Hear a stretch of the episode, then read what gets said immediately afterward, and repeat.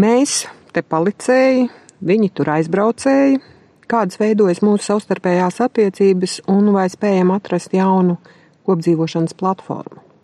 Šodien saruna ar Rāju Lulli, migrācijas un diasporas pētnieci.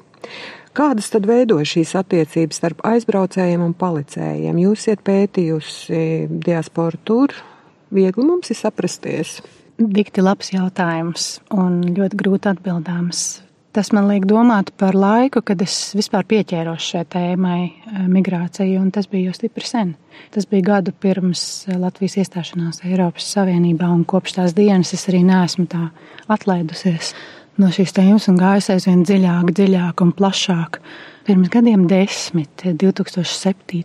gadā, tad, kad šeit viss vēl bija ļoti labi, ekonomiskā uzplauksme, un mēs nezinājām, kas sekos pēc pusotra, eh, diviem gadiem. Tad, starp citu, tas dalījums mēs, viņi, aizbraucēji, palicēji, manuprāt, bija daudz izteiktāks par to vispār nerunāja, ka tas nav normāli dalīt cilvēkus šādi.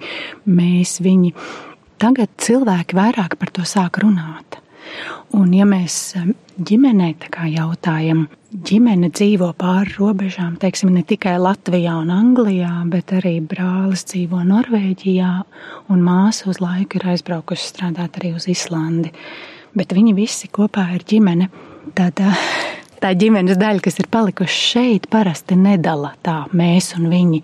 Un tas, manuprāt, ir veselīgs skatu punkts, kā paraudzīties uz, uz to, kas ar mūsu tautu ir noticis. Varbūt mēs varam sākt paraudzīties no ģimenes skatu punkta. Kā šie cilvēki runā par sevi un par ģimenes locekļiem, kuri uz brīdi, vai varbūt uz visu mūžu nebūs klāt, viņi tomēr meklē un intensīvi meklē to, kas ir kopīgs. Bet sabiedrībā kopumā tas, ka mēs dalām, tas ir um, mīts. Nu, tas nav arī mīts, jo, protams, ka tur, kur tu dzīvo pastāvīgi, vai visvairāk tur, kur tu dzīvo, tas ļoti ietekmē cilvēku. Ļoti ietekmē. Arī tas, kur tu strādā, pastāvīgi ietekmē, jo mēs uzsūcam emocijas, gudrību, visu no tā, kas mums ir apkārt. Mēs elpojam to gaisu, kas ir piepildīts eh, zemē, un, un vietā, vai pilsētā, vai laukos, kur nu mēs dzīvojam. Tā kā savā ziņā tas dalījums, protams, nav mīts, bet es runāju par šo negatīvo pusi. Tad, kad dalīšana kļūst tāda ikdienas negatīva prakse, mēs, viņi, pensionāri pret skolotājiem un jauni pret veciem, tā arī palicēja pret aizbraucējiem. Tātad tas ģimenes skats, jeb prizma būtu viens no pozitīviem veidiem, kā mēs varam sākt domāt citādi, bet, protams, ekonomiskie apstākļi ir atšķirīgi. Un te atkal nu, naivi ir dalīti kopēji tā, ka mēs un viņi vispār aizbraucējos. Drīzāk būtu jāskatās, kādas ir atšķirības teiksim, vienas profesijas ietvaros. Un vēl svarīgi ir skatīties arī dzīves gaitā, dzīves dinamikā, jo dzīve jau ir ļoti dinamiska tas, kas notiek ar cilvēku 20 gados šeit, vai 30 gados, un tas, kas ir noticis ar cilvēku ārzemēs 20, 30 gados, tie ritmi mums var atšķirties. Runāšu par konkrētu piemēru. Ļoti gudra, spējīga un izcila talantīga jauniete, kas strādāja šeit Latvijā, strādāja valsts pārvaldē un aizbrauca mācīties uz Angliju. Un tas psihoemocionālais kritums nāk diezgan ātri. Tu saproti, ka tu esi ārpus, ārpus savas vides, ārpus iespējām. Tev diezgan daudz ir eh, jāsāk no pašas nulles. Un ritmi mainās. Ir jāsāk ar vienkāršāku darbu, bieži vien ir jāsāk ar ļoti lielu taupīšanu. Un ir jāsāk ar to atzīšanos sev, ka dzīvot ārpus dzimtenes ir grūti. Un tad mēs varam sākt salīdzināt šo dzīvi dinamikā kas notiek ar cilvēku, kurš aizbrauca. Viņas ritmi izmainījās, viņa atkāpās atpakaļ savā karjeras gaitā un tad uzsāka ar citu pagriezienu.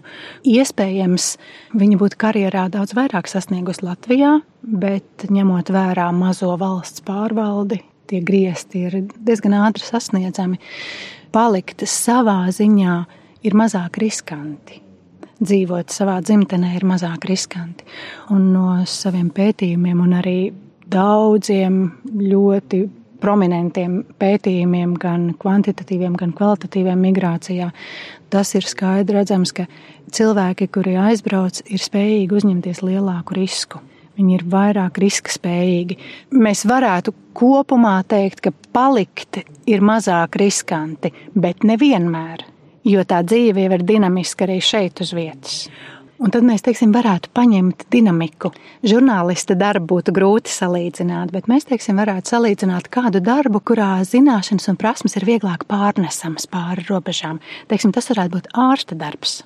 Ko ārsts, kas palika, ir sasniedzis šeit, un ko ārsts, kas aizbrauc, ir sasniedzis, un te mums ir noteikti jārunā par konkrētu vietu vai tā ir Lielbritānija, vai tā ir Norvēģija, vai tā ir Zviedrija vai Vācija, jo sistēmas ļoti atšķiras, gan kultūra, gan sistēmas. Jūs šobrīd pieskārāties vienai lietai, kas ir, manuprāt, ļoti svarīga tad, kad cilvēki domā par savām ambīcijām dzīvē par savu pašu realizāciju un ambīcijām. Bet vai mēs uz tiem aizbraucējiem vairāk neskatāmies no tāda viedokļa, viņi aizbrauca pelnīt naudu, mm -hmm. un par ambīcijām šobrīd Latvijā neviens nerunā?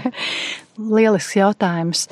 E, savā ziņā mums ir jāmaina valoda, un ja mēs mainām valodu, tad mēs arī sākam mainīt domāšanu. Mm, jāmaina valoda attiecībā uz, uz to, kā mēs runājam par izbraukušajiem cilvēkiem ne tikai Latvijā, bet visur Eiropā un, un varētu teikt arī pasaules līmenī par cilvēkiem, kuri izbrauca no Austrum Eiropas vai cilvēkiem, kuri izbrauc no Latīņa Amerikas vai kuri izbrauc no tā sauktiem globālajiem dienvidiem, no Dienvidā Austrumāzijas. Mēs par viņiem runājam kā par izbraucējiem, kuri brauc peļņā, par ekonomiskajiem migrantiem, bet tie motīvi gan izbraucot ir jau daudz sarežģītāki Mēs tikai tā uz papīra, tā analītiski varam sadalīt un pateikt, ka tas peļņas eh, faktors bija svarīgākais. Pirmkārt, jau izbraucot, tas ir daudz sarežģītāk, bet otrkārt, mēs noklusējam daļu. Un jaunākie pētījumi, kuri tiešām ir jauni un reti un tikai tagad sāk parādīties, runā citu valodu, runā par to, eh, ka cilvēkiem arī ir eh, dzīves stils un dzīves vēlmes un risks redzēt pasauli, pārbaudīt sevi, izkāpt ārpus savas komforta zonas.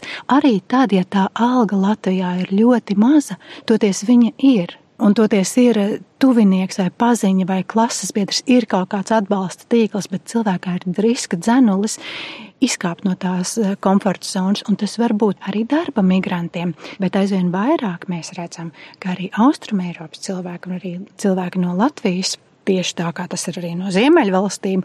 Cilvēki brauc dzīves stila dēļ, tādas personības brīvības dēļ, pārbaudīt sevi, izmēģināt. Un reizēm viļas, reizēm zaudē, un liela daļa kaut kādā posmā atzīst, ka tas ir ļoti grūti.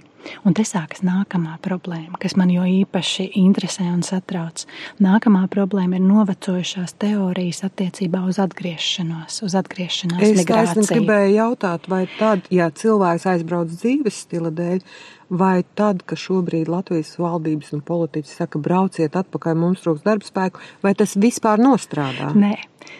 tā nav tā valoda, kādā runāt ar cilvēkiem. Cilvēkus tas neuzrunā. Un, ja tu pats neesi gājis būtībā tos 10, 15 gadus, vienalga, cik ja tu neesi dzīvojis cauri tam mutulim, ko nozīmē aizbraukt, ko nozīmē sasniegt to punktu, ka tu saproti, ka ir, ir, ir zemu, ir ļoti zemu, ir grūti, un tu saproti, cik ļoti pietrūkst vēseliskās kultūras visa tā, kas mums šeit ir pilnīgi pa brīvu, kas ir gaisā, tu ej pa vecrīgu un tu velc iekšā visu to gadsimtu elpu, bet mēs jau to nenovērtējam, tad, kad mēs dzīvojam šeit uz vietas.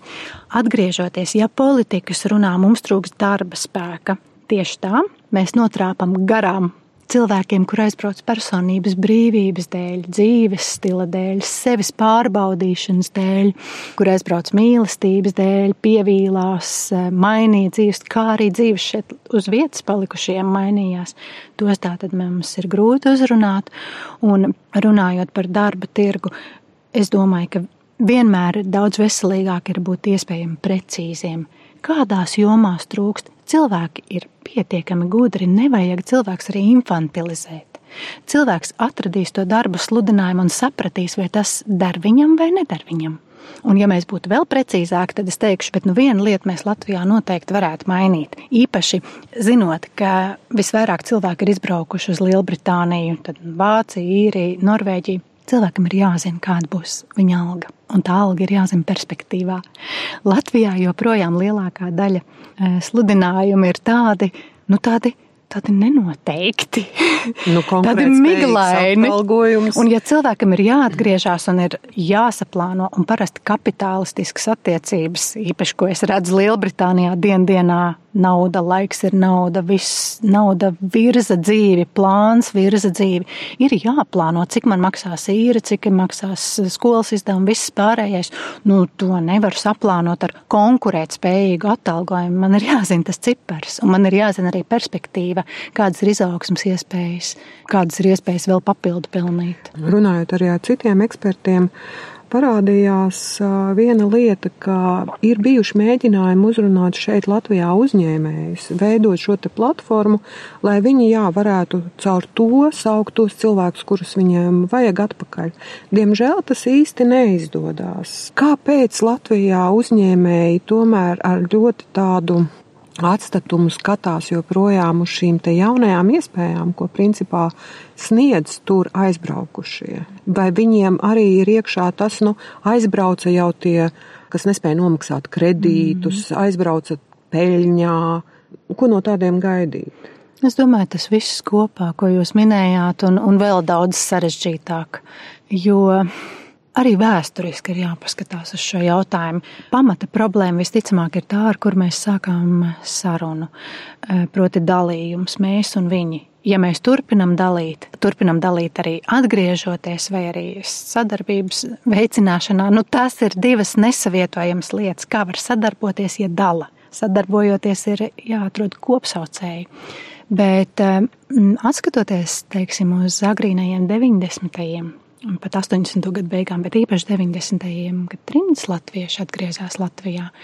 Varbūt jūs atceraties, bet noteikti klausītāji savā pieredzē ir saskārušies ar to, vai atceras eh, paši būdami bijušie trimdinieki vai arī Latvijas latvieši. Cilvēki runāja par to atstatumu ne tikai laikā, bet arī tādu psiholoģisku atstatumu.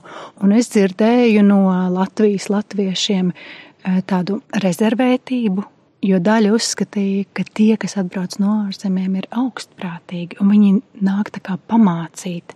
Neviens cilvēks nevēlas eh, tikt infantilizēts un pamācīts un pateikts, ka tu muļķi te eh, dzīvoji ar savu niecīgo aldziņu, tagad es nākšu, ja es arī izgāju cauri grūtībām, bet es nopelnīju daudz vairāk, es nākšu un es tev pamācīšu. Ja mēs šādā veidā turpinam runāt, tur nekas nesanāks, jo tā psiholoģiskā barjera barjera ir tik spēcīga, lai sadarbotos, ir, ir jābūt labvēlīgai attieksmei vienam pret otru. Es gribu, lai tu audz, un es tev dodu iespēju augt, un tu ļauj augt man. Tā Bet kā... vai neveidojas šī tomēr attieksme, jo, nu kā, tu aizbrauc prom, tu mhm. tagad sapelni mm -hmm. baigo piķi, mm -hmm. tautas valodā mm -hmm. runājot. Mm -hmm. Tagad tu atbrauksi, tev būs pensija, nenormāli augsta. Es šeit paliku, sitos kā pliks pa nātrēm, mm -hmm. cēlu te to ekonomiku. Mm -hmm. Es tagad ar to niecīgo pensiju te tagad dzīvošu. Tas ir faktors. Tas nav taisnīgi. Tas ir faktors, bet, manuprāt, problēma ir valodā. Mums ir jāatrod cita valoda, jeb sarežģītāk izsakoties diskurss, runas ievirze, kā mēs vispār runājam par šo tēmu. Ja mēs turpinām runāt šādi, tu aizbrauci un sapelnīji, es paliku un man bija grūti, tad mums nav tā valodas tilta, kur mēs varam atrast eh, savstarpēju sadarbību. Un šos tiltus var celt dažādi.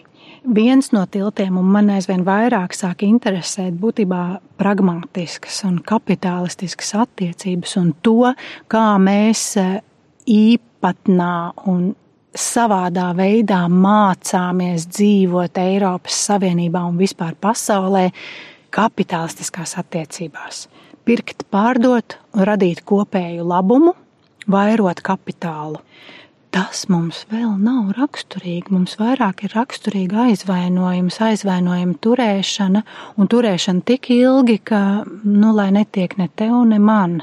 Un tāda īsa, toksiska barība, ka paskatīties, redz, kā tu ciet, nu, nu ciet. Tas būtu viens no veidiem. Tas neizklausās seksīgi vai nerunāt par kapitālismu, bet tas ir iespējams tas sarežģītais darbs, kas ir lēnām un pamatīgi jāveic cilvēkiem kā man, kuri pēta šīs tēmas. Nevis runāt par tādām lietām, kas ārkārtīgi dziļi aizkustina afektīviem stāvokļiem, bet rakt dziļāk un saprast tas dziļās dzīslas, kāpēc tā notiek. Un pie šī jautājuma es gribu arī minēt, nereti jau pie vainas pat nav tās psiholoģiskās attiecības arī, bet mums ir jāizprot spēles laukums, kurā mēs darbojamies, un Latvijas tirgus ir samērā mazs, un tie naudas avoti, no kuriem nauda nāk arī vidējam un mazam biznesam, ir ļoti maz. Tas ir valsts budžets, Eiropas Savienības projektu nauda, un ļoti maz ir cita nauda, kas nāk no resursiem vai no pievienotās vērtības. Līdz ar to e, tas sadarbības partneris kurš ir pabijis ārzemēs eh, un kurš tagad nu, tiek uzskatīts ne vairs īsti par savējo, savā ziņā var tikt uzskatīts arī par konkurentu. Labāk nemaz nenāc. Man tomēr ir vieglāk ar to savu mazo biznesu kaut kā pašam grozīties, bet tu nenāc un nenosper to, to mazumiņu, kas man jau pieder. Bija saruna ar Hazanu kungu, kur viņu veiktais pētījums liecināja par to, ka tie, kas atgriežas dzimtenē, principā tādā pašā amatā var dabūt pa 45 līdz 90% augstāku algu. Tāpēc, ka viņi var gaidīt uz labāku piedāvājumu, tāpēc, ka viņi ir pārliecināti, ka viņi ir vajadzīgi Un, principā, pa vienu un to pašu amatu viņi pelna vairāk nekā šeit vietējais. Šeit jau arī parādās tas konkurences aspekts. Kāpēc gan viņam maksā vairāk? Mm. Sanāk, ka es šeit palikdams uz vietas, nu, esmu nošāvis greizi. Varbūt man arī vajadzēja paņemt, sapakot to čemodānu un braukt prom. Un tad es būtu uzvarētājs. Bet pirmkārt ir tā, ka tie, kas ir atgriezušies un strādās salīdzinošos amatos, viņi ir ļoti mazi. Tomēr cilvēks atgriežoties visbiežāk maina karjeras un dzīves trajektoriju. Un biežāk, un to arī mēs redzam pārējās abās Baltijas valstīs, biežāk kļūst par uzņēmēju pats. Bet tajos gadījumos, tad, kad cilvēks atgriežas, teiksim, salīdzināmā amatā, viena lieta es vēlētos uzsvērt, ka mēs to esam cauri gadiem dzirdējuši. Mūsu politiķi ir pieraduši runāt par jēdzienu pašapziņa. Un pašvērtība un, un sevis vērtējums. Un parasti to vēlas pasniegt kā tādu psiholoģisku vērtību, ka tu pats esi vainīgs, ja tu nespēji sevi vērtēt un nespēji pajautāt sev lielāku algu un labākus apstākļus. Taču atkal interesanti un dziļi pētījumi, kas rok aizvien dziļāk skatoties, kā veidojas kapitalistiskās attiecības un kā cilvēki mācās kapitalistiskas attiecības parāda, ka pašvērtējums un pašapziņa nav kaut kāda no debesīm nolaista dāvana tikai dažiem, vai arī kaut kāda personības problēma. Tā lielā mērā balstās resursos. Kādas tev ir zināšanas, Kāda tev ir pieredze līdzīgās situācijās, kā tu esi no līdzcilvēkiem mācījies šīs prasmes? Tu esi vērojis darba cilvēkus peldēdams lielā okeānā, okeāna darba tirgu, ka šādā veidā mēs dzīvojam un šādā veidā mēs veidojam labāku dzīvi. Tad, kad mēs iestājamies par savām tiesībām, tad, kad mēs pasakām, es esmu tik un tik vērts, un pēkšņi izrādās, ka arī tās algas došanas robežas ir diezgan elastīgas. Un tas man interesē visvairāk, jo cilvēks, kurš ir daudz mācījies, sasniedzis, kuram ir laba alga, es pat tik daudz nesatrauktos par viņa vai viņas eh, nākotnes iespējām. To lielo vairumu jau veido vienkārši cilvēki ar savām sāpēm un grūtībām, ar savu patiesumu, būt arī ievainojamiem, kur ir izglītība bet ne tā spožākā. Un tie veido dzīves pamatu, tie veido tautas pamatu, tie veido valsts pamatu. Un, ja mēs redzam, ka šajos cilvēkos sāk mainīties pašapziņa un pašvērtība un prasmes sevi nostādīt, jautāt algu, prasmes veselīgi, pozitīvi tiekties pēc labākiem ienākumiem, pēc labākas dzīves vietas, tad mēs varam teikt, ka ir tiešām sabiedrībā notikušas pārmaiņas, bet tie resursi ir švaki. Un tāpēc jau tās pārmaiņas nenotiek. Zināšana resursi, kā to darīt, naudas resursi vienkārši nav pietiekami daudz to līdzekļu, lai samaksātu par nedaudz vai labāku dzīves vietu, vai aizietu uz labāku darba vietu, kur būs labākas karjeras perspektīvas, bet nav tā uzkrājumiņa, kas ļautu 3, 6 vai 9 mēnešus ļauties šim riskam arī Latvijas robežās. Es nocitēšu fragmentu no intervijas ar jums, kas bija pirms gada. Mēs esam burtiski pāris gadu pirms lielām pārmaiņām sabiedrībā, jo tad, kad atgriezīsies tur pensiju nopelnījušie, viņi saskarsies ar lielu nenovīdību no tiem, kuriem pensijas šeit būs mazākas. Kā izbēgt to, ka šī Latvijas sabiedrība draud nākotnē sašķelties, ka tā plaisa vēl padziļinās šādā veidā, tie, kas bija aizbraukuši, nopelnījuši tur lielāku pensiju, tie, kas dzīvo šeit nabadzībā. Tās plaisas paliks arvien tādas sarežģītākas mm. un um, lielākas. Nu jā, ja mēs nemainīsim valodu un domāšanu, mēs turpināsim eh, domāt mēs un viņi, un arī tad, kad cilvēki atgriežas, viņi joprojām nekļūst par mēs. Viņi turpina būt viņi, viņi, vēl kaut kādi atšķeltie. Ja? Šis pensiju gadījums, vispār novecošanās man ārkārtīgi interesē, un esmu vairākus gadus pamatīgi pētījusi šo lietu. Nu, mēs redzam, mēs tiešām redzam, ka cilvēki sāk atgriezties. Un arī tā grupēšana, kas ir raksturīga Latvijai, bijusi citās valstīs ar, ar lielu izbraucēju skaitu tas ir tas pats, ka mēs mēģinam kā, to cilvēku, mūsu cilvēku resursus kaut kā grupēt. Un tad tie cilvēki, kuriem ir gados un pensiju nopelnījuši, tie kaut kā tiek eh, aizmirsti, nu, par tiem neinteresēs. Nu kā viņi taču jau ir jau, jau tuvojas dzīves nogalē. Bet īsnībā tie ir tādi lieli patrioti, kuri ļoti vēlas atgriezties Latvijā un ir izcīnījuši tos pēdējos smagus darba gadus vai dekādus, lai, lai nopelnītu papildus vēl kādu pensiju. Ja mēs skatāmies dalījumā mēs viņi, tad mēs varam bezgalīgi runāt par netaisnībām un ienākumu nevienlīdzība iespējams te parādīsies. Tā vienkāršā iemesla dēļ, ka alga bija lielāka ārzemēs. Līdzīgi kā netaisnība ir ielikta jau sistēmā, kad to radīja, ka šeit uz vietas veidojās tik niecīgs, tik niecīgs procents cilvēku, kuriem ir lielas pensijas, un tik ārkārtīgi milzīga masa ar niecīgām pensijām. Tā sistēma ir netaisnīga, mums tad būtu jāizārda un jāparāda, kur ir tās vēža šūnas šajā sistēmā jau pirms tam. Bet vai šo cilvēku atgriešanās ar šīm lielajām ārzemēs nopelnītām pensijām, un es pieļauju, ka ar gadiem viņi paliks arvien vairāk. Vai tas neliks arī tomēr izārdīt šo te veco sistēmu un kaut kā savādāk būvēt? Liks, bet es gribu labot vienu lietu, tās nav lielas ārzemju pensijas. Raugoties uz cilvēku, kurš visu savu darbu mūžu ir nostrādājis labā amatā, tā ir liela atšķirība. Bet runājot par cilvēku, no Latvijas izbraukušo, to vienkāršo cilvēku, kurš smagus darbus strādāja. Tas ir mazliet papildu nopelnīts eh, tāds drošības tīkls, bet ar lieliem emocionāliem un psiholoģiskiem eh, nevis zaudējumiem, bet satricinājumiem un grūtībām ar ļoti lielu ilgošanos pēc mājām, pēc māju izjūtas. Kā man viena sieviete spilgti atceros, teica, nu, viņa atgriezās Latvijā uz brītiņu, jo viņa turpina braukāt, gaida tos pensijas gadus ārzemēs, jo tu nevari atgriezties īsi pirms pensijas gadiem. Nevajag izlikties, ka vecumam nav nozīmes, mēs visi esam ageless, cipars tikai pasē. Tā nav taisnība, un tā ir ļoti nepareiza un muļķīga un indīga filozofija, kas šobrīd ieplūst ar joni Latvijas mēdījos. Tā nav.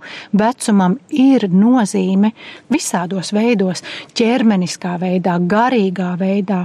Un tad, kad mēs atzīsim, ka tam ir nozīme, tad mēs arī sāksim vairāk cienīt mūsu cilvēkus kā līdzekļus līdzcilvēkus, kā darba kolēģus, bet situācija ir tāda, pragmatiski rīkojoties, ja cilvēks atgriežas tieši pirmspensijas vecumā Latvijā, nu, tas, ir, tas ir muļķīgs solis. Viņš iegriež sev tik ļoti šajos vecuma uzkrājumos. Tā tad nav iespējams. Cilvēki būtībā ir imobilizēti uz laiku ārzemēs. Lai cik ļoti gribētos atgriezties, viņiem ir jānogaida tā pensijas saņemšana. Un tikai tad viņi var atgriezties. Un tad viņi atklāja, ka tā mīļā, izlolotā, idealizētā Latvija, pēc kuras ilgojās katru dienu, ir nenovīdības pilna. Ka pat ārste, pie kuras to aizēja un maksā viņai e, naudu, jā, var pateikt, ka mēs tos migrantus negribam redzēt, bet tu nāc varbūt ar ļoti smagu problēmu. Mēs tagad vairāk koncentrējamies uz to, ka šeit ir nenovīdīgi cilvēki un tā tālāk, bet, ja mēs tā padomājam, tad arī tie, kas aizbraukuši, nereti jau šeit palikušos, arī nepiemina ar ļoti labiem protams, vārdiem. Ja? Protams, un te es saku, mēs atgriežamies visu laiku pie sarunas pamata. Acīm redzot, tur ir tā sakne nedalīt.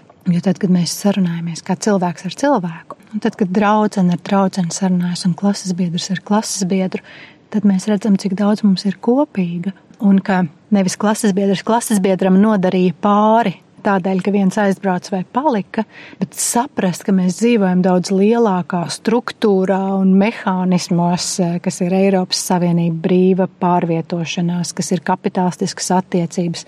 Saprast, ka te nav tādi džungļa likumi, kur cilvēks pret cilvēku cīnās, bet tiešām meklēt un izprast to, kas mūs vieno un kāpēc eh, mūsu dzīves gaitas un mūsu ienākumu gaitas ir izveidojušās atšķirīgas. Un es vēl gribu eh, uzsvērt un gribētu uzsvērt to visur, eh, kur vien iespējams. Ir arī daļa mīta tajā, ka tur ārzemēs cilvēki pelna lielās algas.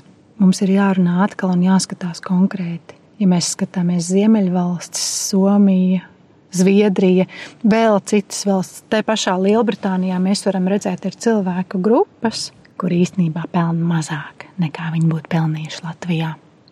Un bieži vien tie ir augsti kvalificēti darbi un radoši darbi. Un cilvēki ļoti taupa naudu. Un bieži vien uh, spēj uzturēt uh, savu radošo garu un savus radošos darbus, tādēļ, ka viņi saņem kādus līgumus no Latvijas.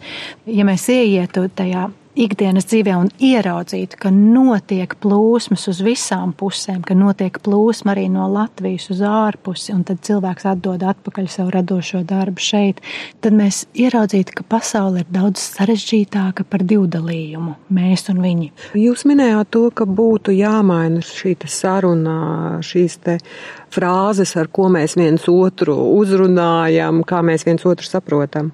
Būtu jāmaina viņas jau mainās, vai kā mēs to varam mainīt? Nu, es eh, cenšos savā darbā mainīt.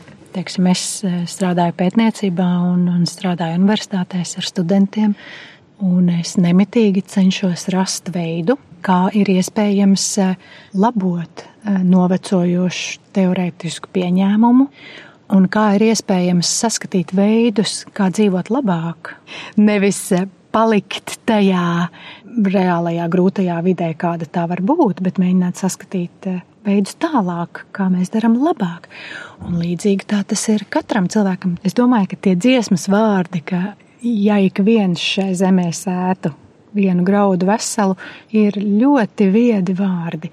Mēs katrs esam kaut kādās pozīcijās, darbā, mājās, cilvēciskās attiecībās, un mēs tomēr katrs varam izvēlēties, darīt labāk, izvēlēties, domāt eh, sadarbības veidā, izvēlēties neapsaukāt palicēju un neierakstīt to riebīgo komentāru par palicēju, jo tādā veidā tu cilvēku apvaino arī manu māti, manu tēvu un, un manu skolotāju un mani un, un visus pārējos.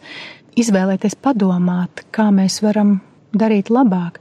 Latvijā ir pa pilnam, neskatoties uz to ļoti mazo vidi, salīdzinot ar citām Eiropas eh, lielvalstīm, ir tik daudz spējīgu, radošu un gudru cilvēku, kuriem arī ir par mazu tā viena ekonomika un veidot dzīves, e, kurā var dzīvot Latvijā var strādāt, eksportēt, strādāt ar citām valstīm, vai arī dzīvot ārpus Latvijas kādu noteiktu laiku, jo dzīve ir dinamiska.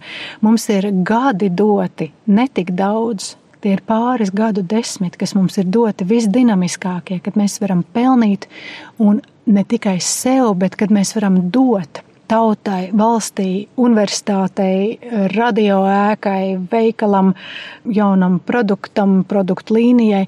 Tie nav gari gadi. Un tad uh, cilvēks attopās, ka, ka jā, jau tuvojas dzīves nogale. Un nereti šobrīd sanāk tā, ka tie visi tie dinamiskākie gadi daļai aizrit ārpus. Un atgriešanās ir vairāk uz tādiem klusākiem dzīves gadiem. Nu, Tad Latvijas politiķu pēdējo laiku aicinājums brauciet mājās, mums vajag darba rokas. Tam ir jābūt daudz precīzākam un pragmatiskākam, bet uzrunāt cilvēkus ar šādu saukli, tas skan kā svešvalodā vajag atrast to latviešu valodu, ko saprotam mēs e, visi, to cilvēcīgo valodu.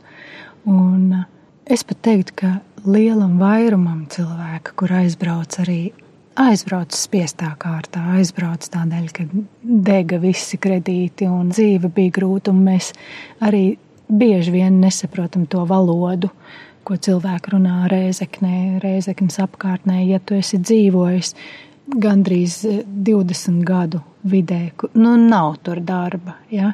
Tad uh, dzīvojot dinamiskajā Rīgā, jo īpaši kā tas bija 2000. gadu vidū, kad praktiski Rīgā nebija bezdarba, mēs nevaram iedziļināties un saprast tā cilvēka valodu, kā viņš jūtas un par ko tad īsti viņš runā. Un mums vajag lielu devu tādas pazemības, mācīties, mācīties un vēlreiz mācīties izprast vienam otru.